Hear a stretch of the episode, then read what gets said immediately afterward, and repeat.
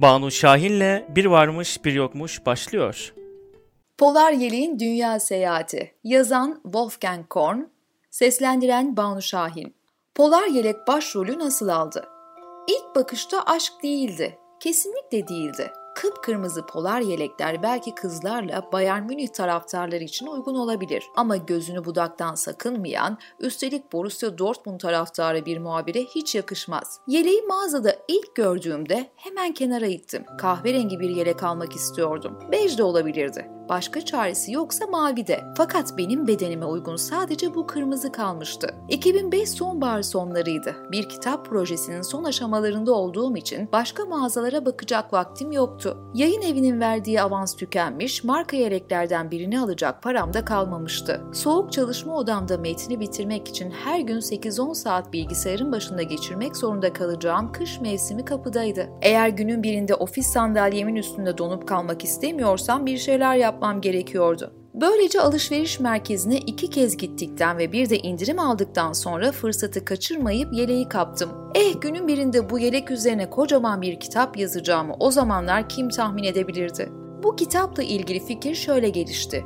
Yayıncım küreselleşme hakkında kitap istiyordu. Uzunca zamandır iyi bir fikir vardı aklımda. Eksik olan sadece uygun bir başrol oyuncusuydu. Herkesi sakinleştirmek için Noel'e kadar öykü kahramanımı bulacağımı ilan ettim. Bizi büyük bir hızla bütün dünyada dolaştıracak, Asya'ya, Avrupa'ya, Afrika'ya götürecek, okyanus ötesine gemi yolculuğu yaptıracak bir şeydi aradığım. Sonra takvime baktım ki 21 Aralık 2007 vermiş. Artık bir karara varabilmek için ertesi gün özel bir seçme yaptım. Ancak adaylarım ne şarkıcı ne dansçıydı. Benim adaylarım tost makinesi, bilgisayar, MP3 çalar, elektrikli süpürge, ekmek kızartma makinesi ya da televizyon gibi günlük yaşamı kolaylaştıran ve eğlenceli hale getiren dilsiz hizmetkarlardı. Bu nesnelerin seyahat yeteneğini nasıl anlayabiliriz? İlk ipucu üretildikleri ülkedir. Bir yerlerine yapıştırılmış ya da basılmış küçük etiketler bize bu bilgiyi verir. Örneğin tost makinem nereden gelmiş acaba? Hong Kong'tan. Çalar saatim Çin'den. Almanca bazı kitaplar bile yurt dışında imal edilmiş. Örneğin Atlas'ım Slovenya'da basılmış. Peki elektrikli su ısıtıcım istisnai olarak Almanya'da. Artık ender rastlanan bir şey bu. O kadar ender ki imalatçılar tarafından özellikle vurgulanıyor. Fakat nesnelerin imal edildiği ülkeler onların hayat hikayelerinin bir durağı sadece. Yolculukları ham madde kazanımından çöplükte veya herhangi başka bir yerde sonra geri dönüşümlerine kadar uzanıyor. Şimdi seçmelere geri dönelim. Birkaç ilginç adayım ve gizli bir de favorim var. Dizüstü bilgisayarım. Üzerinde bir Amerikan markasının adı yazıyor. İşlemci Münih'te yapılmış, montajı ise Tayvan'da. Hepsini çok umut verici buluyorum ama hala karar veremiyorum. Bu nesnenin ham madde kazanımından hurdaya çıkışına veya geri dönüşümüne kadar bütün öyküsünü anlatmak istiyorum. Eğer çok fazla parçadan oluşan bir şey seçersem araştırmama aynı anda birçok yöne doğru genişletmem gerekir. Bu beni çok yorardı, çok da zamanımı alırdı. Üstelik de okur için sıkıcı olurdu. Bu nedenle oturumu ertesi güne 23 Aralık'a erteledim. Ertesi gün salonda televizyonun önünde oturuyorum. Her yıl Noel öncesinde olduğu gibi yardıma muhtaç insanlarla evsizler, yoksullar, mültecilerle ilgili dikkat çekecek kadar çok program var. Bir tanesi Kanarya Adalarına gitmek için küçük sandallarla Atlantik'i geçen Afrikalı mültecilerle ilgili. 60'tan fazla kişi 10 gün boyunca fırtınada, yağmurda küçük bir sandala tıkıştırılmış halde yol almış, sonunda da içme suları tükenmiş. Bir turistin video kamerayla çektiği dramatik görüntüleri izliyoruz. Sahilde yığılıp kalmış mülteciler kısacık bir yakın çekimde kıpkırmızı yelek giymiş bir delikanlı geliyor ekrana. Kırmızı yelek. Beynimin içinde çanlar çalıyor. Bir saniye yoksa bu benim kırmızı polar yeleğim mi? Çünkü tıpatıp böyle bir yeleğe birkaç ay önce bizim burada Hanover'de kullanılmayan giysilerin toplandığı konteynere tıkmıştık. Bu giysiler ise daha geçen gün okudum genellikle Batı Afrika'ya gönderiliyor ve orada satılıyor. Hatta yeleğin sol tarafındaki kırmızı şarap lekemi bile gördüğümü sanıyorum. Yoksa sağda mıydı? Belki de kötü çekimdendir. Öğleden sonra bütün gün hiçbir şeye doğru dürüst yoğunlaşamadım. Benim yeleğim miydi acaba? Benim yeleğim olabilir miydi? Akşam mülteci delikanlının üzerindeki kırmızı yeleği kız arkadaşıma anlattım. Senin yeleğin olduğuna gerçekten inanıyor musun diye sordu. Kesin bir fikrim yok diye yanıtladım. Bu tür yelekler artık bol miktarda üretiliyor. Tabii elbette benim yeleğim olup olmadığını bilmiyorum. Benimkinin o büyük şarap lekesi dışında özel bir işareti yok. Şimdi o lekenin yelekte olup olmadığına bakmak için Tenerife'ye gidip mülteci kampını ziyaret etmeye kalkmayacaksın herhalde. Saçma, yolculuğa yetecek kadar param yok zaten. Ayrıca da yararı olmaz. O koşullarda Atlantik'i geçerken yelek öylesine yıpranmıştır ki benim lekem artık birçok lekeden sadece biridir. Tanrı'ya şükür bu insanlar ölümden kıl payı kurtuldu sense yeleğini arıyorsun. Hayır, benim öğrenmek istediğim şey o yeleğin benim olup olmadığı değil. Önemli olan benim yeleğim olabilir düşüncesi. Kırmızı polar yeleği televizyonda gördükten sonra en azından bir sorunum çözülmüş oldu. Öykümün ana karakterini düşünmüyordum artık. Yeleğimin maceralı öyküsü bugün her şeyin nasıl birbiriyle bağlantılı olduğunu bir dizüstü bilgisayar ya da çalar saatten çok daha iyi gösterebilirdi. Almanya'da kullanılmayan giysilerin toplandığı konteynerden çıkmış kırmızı polar yelekle bir Afrikalının Atlantik'te dolaşması nasıl mümkün olabiliyor? Bu yelek Afrika'ya nasıl gitti? Nerede imal edilmişti? Ham maddeleri nereden gelmişti? Yoksul ülkelerde yüzlerce insan neden köylerini terk edip küçük sandallarla zengin ülkelere ulaşmaya çalışıyor? O ülkeler neden bu kadar yoksul?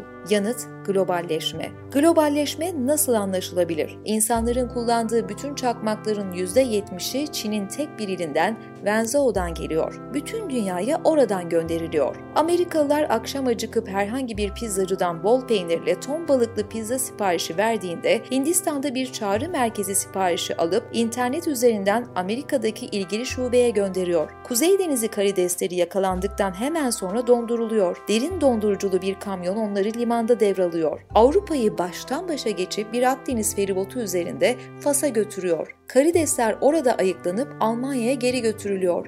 İnanılmaz ama Almanya'daki karides tüccarları, Amerikalı pizzacılar ve dünyadaki çakmak tüccarları bu şekilde çok para tasarruf ediyor. Çünkü az gelişmiş ülkelerde işçi ücretleri genelde sanayi ülkelerindeki ücretlerin onda biri bile değil. Globalleşme kavramı globus sözcüğünden türemiştir. Gezegenimizi temsil eden ve bütün ülkelerle denizlerin resmedildiği bir küre. Almanya doğumlu Amerikalı ekonomi profesörü Theodor Levitt, 1983'te günümüzde insanların yeryüzündeki bütün ekonomik eylemlerinin birbirine ne kadar bağlı olduğunu tanımlamak için bir sözcük aradı. Şimdiye dek bu kadar çok insan dünyanın dört bir yanında bu kadar çok nesneyi değiş tokuş etmemişti. Üstelik bu sadece nesnelerle değil, fikirlerle, modayla, müzikle, her şeyden önce parayla da ilgili bir şeydi. Artık hiç kimse Afrika'daki küçük bir köylü bile kendi kendine iş yapmıyor. Nasıl davrandığımızın, ne ürettiğimizin ve satın aldığımızın yeryüzündeki bütün diğer insanlar üzerinde etkisi var. Ekonomi artık tek bir köyle, tek bir kentle, tek bir ülkeyle sınırlı değil. Bütün dünya ile bağlantılı hale geldi. Yani globalleşti. Böylece globalleşme tanımı bulunmuş oldu. Noel akşamı 2007. Her yerde Noel ağacı altında hediyeler dağıtılırken ben bilgisayarımın başına oturup yeni bir metin dosyası açıyorum. Yeleği tam olarak hatırlamaya çalışıyorum. En dikkat çekici yanı elbette ki kırmızı rengiydi. Polar kumaştan yapılmıştı. Pamuk gibi bitkisel ve kıl ya da kürk gibi hayvansal elyaftan oluşmadığına inanası gelmiyor insanın. Polar suni elyaftan yapılıyor. O da petrolden kazanılan sentetik madde polietilenden oluşuyor. İyi de benim polar yeleğimin öyküsü tam olarak nerede başlıyor? İlk kez adının geçtiği yani sipariş verildiği yerde.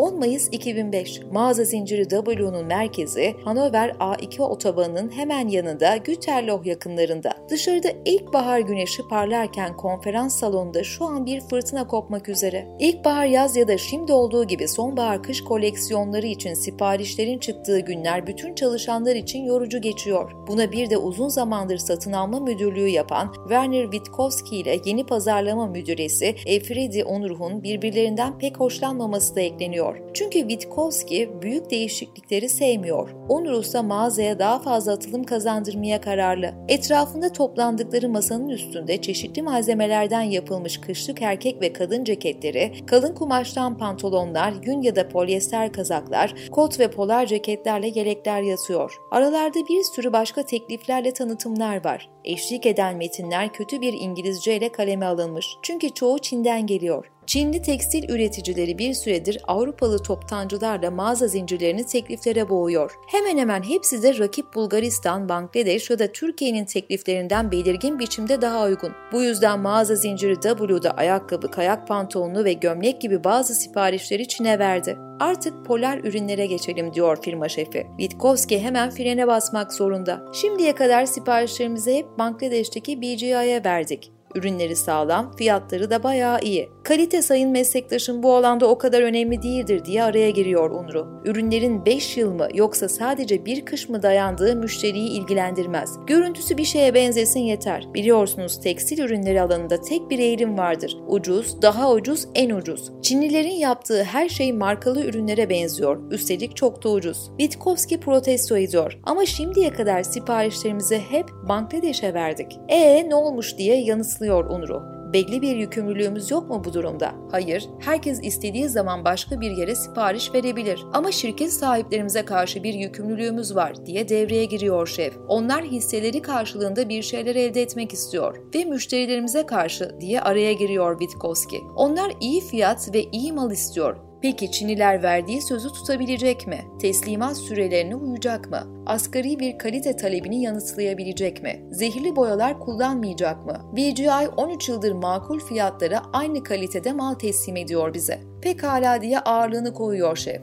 O zaman polar ürünleri bu yılda Bangladeş'ten alalım. Sekreteri öğle yemeğinden sonra sipariş listelerini çıkarmak için daktilosunun başına oturuyor. Listeleri imza için bir kez daha bölüm şefinin önüne koyuyor. Sonra doğrudan Çin'e ve Bangladeş'e fakslıyor. Listelerde başka şeylerin yanı sıra %100 polar, basit dikişli orta boy fermuarlı, yandan iç cepli, bej, mavi, gri ve kahverengi renklerde 1000 adet polar yelek var. Tuhaf. Sipariş listesinde kırmızı polar yelekle ilgili hiçbir şey yok. Dubai'de petrol zenginliği ya da parayla her şey satın alınabilir mi? 10-11 Ağustos 2005 gecesi günün birinde polar yeleğimin yapımında kullanılacak petrol ortaya çıkıyor. Peki ama neredeyiz? Denizin üstünde. Denizin üstünde ancak sahilin görüş mesafesindeyiz. Gece olmasına rağmen suyun üzerinden sıcak bir esinti geliyor. Etrafımızda dev noel ağaçları gibi denizin içinden yükselen ışıklı kuleler var. Bunlar üzerinde her gün 24 saat petrol çıkarılan sondaj adaları. Çok yakında bulunan sahil de aydınlatılmış. Böylece karadaki örneğin Sibirya'da ve kuzeydeki örneğin Norveç önlerinde petrol sahaları eleniyor, Sudan önlerindeki Afrika petrol sahaları ya da Venezuela önlerindeki Güney Amerika petrol sahaları aynı şekilde. Aslında geriye sadece Orta Doğu kalıyor. Çünkü burada yanan ışıklar tek tüp değil, devasa bir panayır yeri gibi her yer ışıl ışıl. Gece uçan yolcuların 10 bin metre yükseklikte bile aşağıya bakmaktan boyunları tutuluyor ve çoğu sahil çizgisinin hemen önündeki ışık zincirinden bir daireyle çevrelenmiş dev palmiyeyi tanıyor. Bu palmiyeyi başka bir şeyle karıştırmak mümkün değil. Basra Körfezi'nde son 20-30 yıl içinde dev petrol rezervleriyle sadece zengin olmakla kalmamış, süper zengin olmuş Birleşik Arap Emirlikleri'ne dahil Dubai Şeyhliği'nin önündeyiz. Işıklandırma bir kutlama için özel yapılmamış. Her gün böyle. Bu kadar büyük doğal gaz ve petrol yataklarına sahip olanlar elektrik faturasıyla ilgilenmez tabi. 11 Ağustos 2005 sabah erken Dubai'de bir petrol platformu üzerindeki sondaj aleti yeraltı rezervlerine ulaşmak için çalışıyor ve petrol anında borudan yukarı fırlıyor. Bu arada bir sürü gaz salı verildiği için olağanüstü basınç altında olan bir petrol karışımı çıktı ortaya. Eskiden sık sık ateş alan büyük petrol fıskiyeleri oluşuyordu. Günümüzde petrol hemen yakalanıp başka köye kanalize ediliyor. Gün be gün. İyi de bu petrol karışımı aslında nasıl oluştu? Bunun için 200 ila 900 milyon yıl geriye gitmemiz gerek. O dönem sadece kocaman bir deniz, ilksel kozmik okyanus vardı ve bugün mevcut bütün kıtalar henüz birbiriyle bağlantılı tek bir kara kütlesi oluşturmaktaydı. Bu kara kütlesinin çevresinde bugün Almanya'da Kuzey Denizi kıyı şeridindeki gibi denizin hayli sığ olduğu dev bölgeler bulunuyordu. İşte tam da bu bölgelerde ilk organizmalar toplaşmıştı. Öncelikle kırmızı ve yeşil su yosunları ama deniz anasına benzer yaratıklar halkalı solucanlar, ilk mercan türleri ve deniz kestanesiyle deniz yıldızının öncüsü olan derisi dikenliler gibi küçük hayvanlar da vardı. Yer kabuğu henüz bugünkü kadar sert olmadığı, aksine ileri geri yukarı aşağı hareket ettiği için sürekli olarak büyük okyanus havzaları açık denizden ayrılıyordu. Bu havzalarda yaşayan büyük miktarda organizmalar öldüğünde açık denize sürüklenmiyor, aksine dibe çöküyordu. O kadar çoklardı ki ne diğer canlılar tarafından yenilerek ne de bakteriler tarafından tarafından ayrıştırılarak yok oluyorlardı. Ancak oksijen olmaksızın çürüyemezlerdi de. Bir tür bataklık zemin oluştu. Milyonlarca yıl seyrinde bu bataklık zemin üstüne sadece kum ve çamur çökelmedi. Kütle halinde toprak parçaları da bindi. Hava ve su geçirmez tabakalarla kapanmış ortamda ısı ve büyük basınç altında yüzlerce hidrokarbon bileşikleri oluştu. Basınç ve ısıya ek olarak olasılıkla bazı bakteriler de petrol ortaya çıkıncaya kadar devam eden ayrışmada pay sahibiydi. Sonuç olarak petrolün oluşumu hala bir sır. Bu sürecin nasıl işlediği günümüze kadar tam olarak araştırılmamıştır. Her durumda sonuçta karşımıza bir mucize, neredeyse tamamen enerjiden ve başka değerli bileşenlerden oluşan bir madde çıkıyor. Eğer doğa milyonlarca yıl önce büyük miktarlarda petrol, doğalgaz ve kömür ortaya çıkarmamış olsaydı, hala karada at arabalarıyla, suda ise yelkenlilerle yolculuk ediyor olacak, bugün bildiğimiz anlamda globalleşme yaşanmayacaktı. Ne var ki bu ham maddeler yeryüzünde çok eşitsiz dağılmıştır. Bazı ülkelerin hiç yok ya da çok az var, bazıları ise örneğin dev petrol rezervlerine sahip olan Arap ülkelerinin çoğu gibi adeta petrol içinde yüzüyor. Şimdi 11 Ağustos 2005, sabahın erken saatlerine geri dönelim. Petrol gün yüzüne çıkıyor, sondaj platformuna yakın yerde demir atmış tankerlerden biri de 194 metre boyundaki Madras. Petrol doğrudan tankere pompalanmıyor, denizin dibindeki boru hattı üzerinden karada bulunan geçici stoklama alanına gidiyor. Çünkü dipten gelen bu şey şimdilik sadece yağ, gaz, tuzlu su ve başka kirlerden oluşan bir karışımdır. Henüz nakledilmek için uygun değil çünkü hala çok miktarda değersiz fazlalıklar içeriyor. O nedenle bu karışım önce düşük basınçlı bir kaba yönlendirilir. Bu esnada doğal gaz açığa çıkar ve hemen aktarılır. Dubai'de bu gazla başka şeylerin yanı sıra dev elektrik santralleri çalıştırılmaktadır. Bir başka tankın içinde ağır tuzlu su dibe çöker ve pompalanarak boşaltılır. Ardından ısıtılarak elektrik akımıyla ve kimyasalların eklenmesiyle geri kalan sudan ve başka katkılardan arındırılır. Ancak bundan sonra tankerlerle ya da boru hattıyla sorunsuzca nakledilebilen ham petrol elde etmiş oluruz. Açıkta kıyıya yakın yerde demir atmış tankerlerin çoğu siparişlerini bekliyor. Bazıları haftalardır orada. Madras'ın sadece 72 saat sabretmesi gerek. Biraz daha serin olan sabah ve akşam saatlerinde Kaptan Van der Walt saatlerce tankerinin köprüsünde durup dürbünüyle kıyıyı gözlüyor. Rotasını ne zaman Dubai'ye yönelse, Orta Doğu'ya değil de herhangi bir bilim kurgu filmindeki uzay istasyonuna gidiyormuş gibi bir hisse kapılıyor. Çok sayıda gökdelenin tepesi esrarengiz bir baş gibi mavi mavi parlıyor. Bazıları ise roket kenetleme istasyonuna benziyor. Duvarsız kat kat platformlardan oluşan bu kuleler iyice aydınlatılmış ve vinçlerle kuşatılmış. Ancak Kaptan Van der Walt bunların kenetlenme istasyonu değil, geleceğin gökdelenlerinin iyi aydınlatılmış kaba inşaatları ve iskeleleri olduğunu biliyor. 14 Ağustos 2005 Gün doğumunda Madras için nihayet Jebel Ali Port petrol iskelesine doğru ilerleme izni çıkıyor. Öncelikle konteyner gemileri için kurulmuş Dubai'nin bu yeni limanı, Orta Doğu'nun en büyük mal aktarma merkezidir. Tankerlerin su çekimi çok derin olduğu için iskele açıkta limanın önünde bulunuyor. Sabah saat 8'e doğru tanker nihayet dolum istasyonuna yanaşıyor. Üç vincin ucunda sallanan dev hortumlar güverteye indirilip geminin boru sistemine bağlanıyor. Az sonra ham petrol pompalanıyor gemiye. Ancak boyu neredeyse 200 metreyi bulan böyle bir tankerin dolması saatler sürecek. O sırada İnder Sadek'le iş arkadaşları kentin kenar mahallelerinde sefil barınaklarında kahvaltılarını yeni bitirdiler. Bunlar Dubai nüfusunun dörtte üçünden fazlasını oluşturan ve neredeyse bütün işleri yapan misafir işçiler. Sondaj adalarında ve inşaatlarda çalışıyor, restoranlarda ve zenginlerin yanında yemek pişiriyor, garsonluk yapıyor, bahçelerin bakımını üstleniyor, yolları temizliyor ve taksileri sürüyorlar. Bu misafir işçiler ayda yaklaşık 150 ila 250 euro kazanıyor. Paranın çoğunu genelde sadece bu gelirle yaşamak zorunda olan ailelerine gönderiyorlar. Batıdan gelen misafir işçiler yani gökdelenlerin şantiye şefleri, deve yetiştirme çiftliklerindeki veterinerler ya da sondaj adalarındaki mühendislerin kazancı çok daha iyi. Memleketlerindeki gelirlerinin iki katından fazlasını kazanıyorlar. Sadek ise eski limanda küçük ticari gemilerin doldurulup boşaltılmasında vasıfsız işçi olarak çalışıyor. Çölün içine doğru neredeyse 10 kilometrelik uzun bir koy oluşturan Körfez Araplarının Dıhao dedikleri geleneksel ahşap teknelerine yüzlerce yıldır doğal liman olarak hizmet veren yakındaki küçük ırmağa kadar bisikletle gidiyor. Daha 40 yıl önce bu ırmağın gerisinde küçük bir ticari yerleşim merkezi vardı. Evlerin çok azı taştan yapılmıştı. Çoğu kerpiçtendi. Çatıları ise palmiye yapraklarından.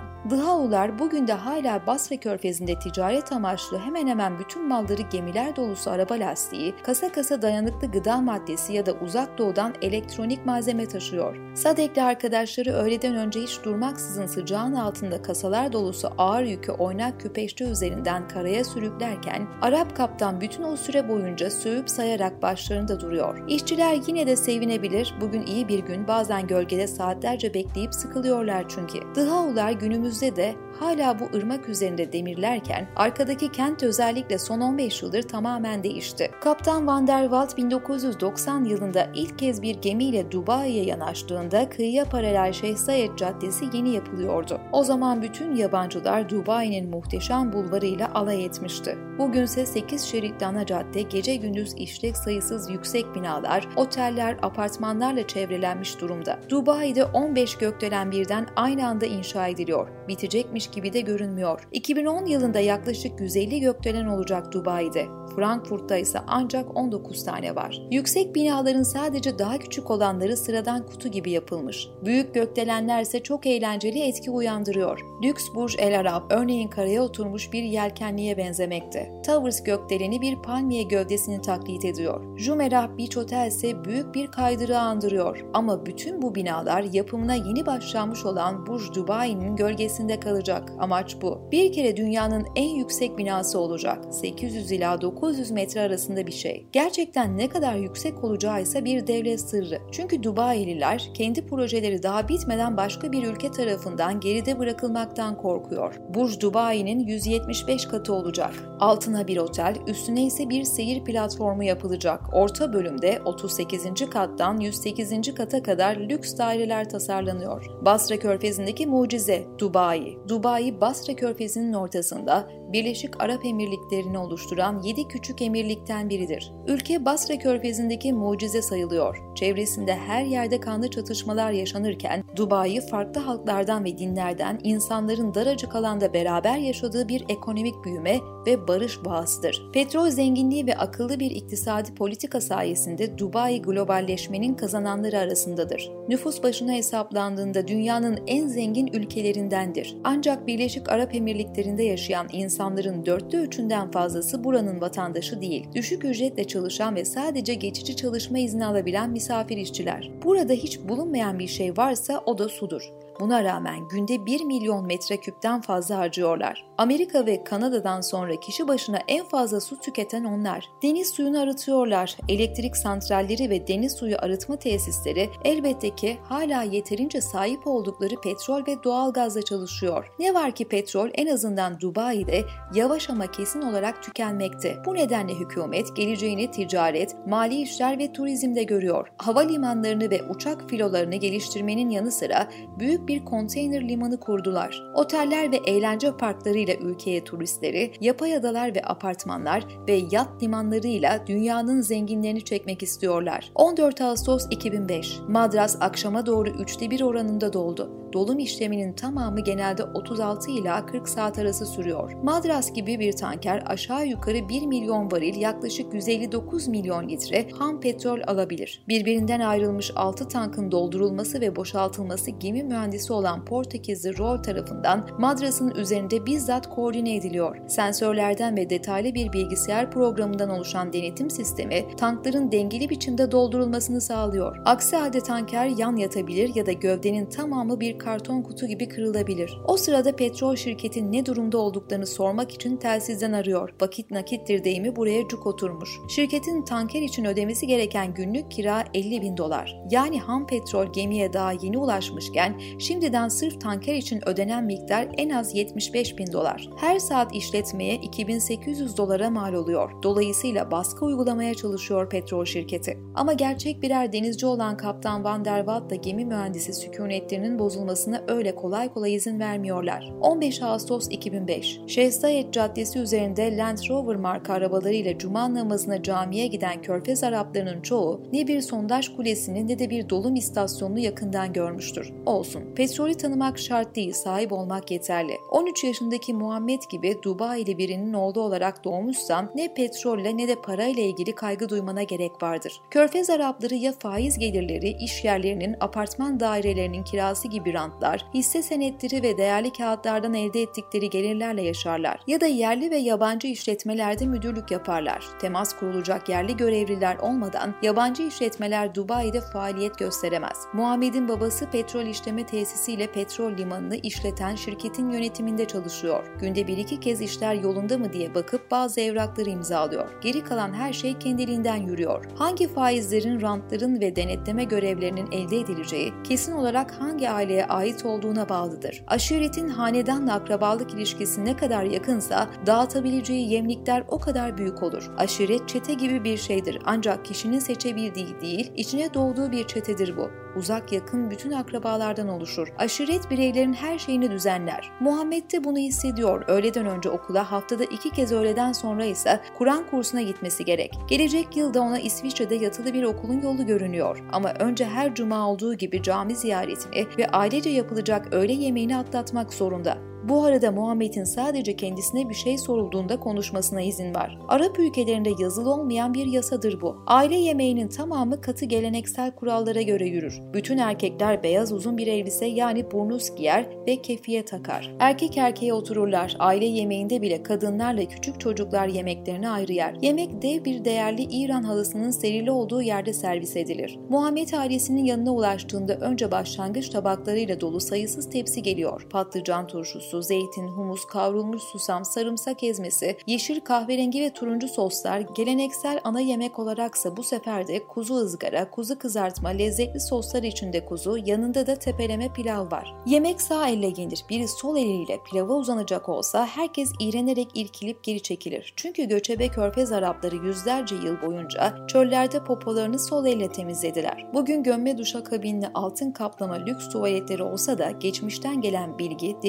derinliklerde koruyor yerini yemek sağ elle yenir. Yaşam tarzı bütün körfez Arapları gibi parçalanmış durumda. Paralarıyla bütün dünyaya artık sıradan göçebeler olmadıklarını göstermek istiyorlar. 21. yüzyılın en modern kentini kurduruyor, en hızlı otomobilleri sürüyorlar. Kalın altın yüzükleri ve saatleri var, golf oynuyorlar. Kalabalık mahiyetleriyle New York'a, Londra'ya ve Münih'e gidiyor, lüks otellerin yarısını kiralayıp kalıyorlar. Fakat geleneksel yaşam tarzlarından da vazgeçmek istemiyorlar. Aşiret reisi soruyor, peki Muhammed ileride hangi üniversitede okuyacaksın? Amerika ya da İngiltere'de iyi bir üniversite seçtin mi? Muhammed kıpkırmızı kesilip gözlerini yere indiriyor. Yalan söylemek istemiyor ama gerçeği ifade edecek cesareti de yok. Babası onun yerine konuşuyor. Muhammed'e kalsa bu sokeyi oyuncusu olacak. Orada bulunan erkeklerin hepsi gülüyor. Dünyanın en zengin ülkelerinden birinin insanları da istedikleri her şeyi yapamaz. Son söz daima babanın ya da aşiret reisinindir. Ve işte bu aşiret reisi şimdi çay bardağını bırakıyor, ellerini kavuşturup Muhammed'e bakıyor. Eğer eğilimlerimizin peşinden gidecek olsaydık şimdi hepimiz birer otomobil yarışçısı,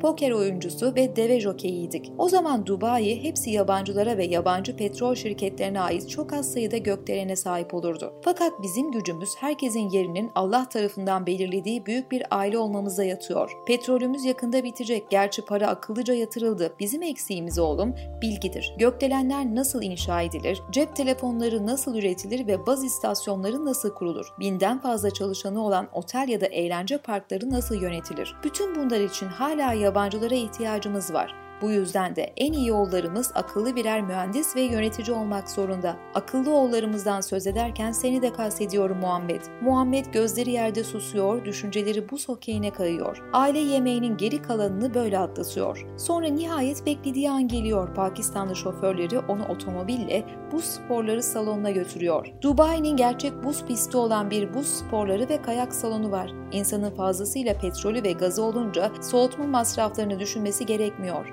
Soyunma odasında Muhammed'in kulüp arkadaşları onu bekliyor. Hızla formasını giyip sopasını alıyor. İkisi de Made in USA. Dışarıda salonda antrenörleri buz üzerine şeritler çekmekle meşgul. Sert bir vuruşla pakı kalenin sol köşesine gönderiyor. Antrenörleri Kanadalı ve bir süre profesyonel ligde oynamış. Dubai gençlerine buz hokeyi öğretmesi için bu eski profesyonelin ne kadar para aldığı devlet sırrı. Muhammed içi dolgulu forma giymiş olmasına rağmen biraz üşüdü. Şimdi sıcak tutacak bir polar yelek işine yarardı. Elbette ki benim yeleğimi giymez. O sadece markalı ürünler giyer. Ama fark etmez. Benim yeleğim de zaten henüz hazır değil. Ancak yarın üretime bir adım daha yaklaşmış olacak.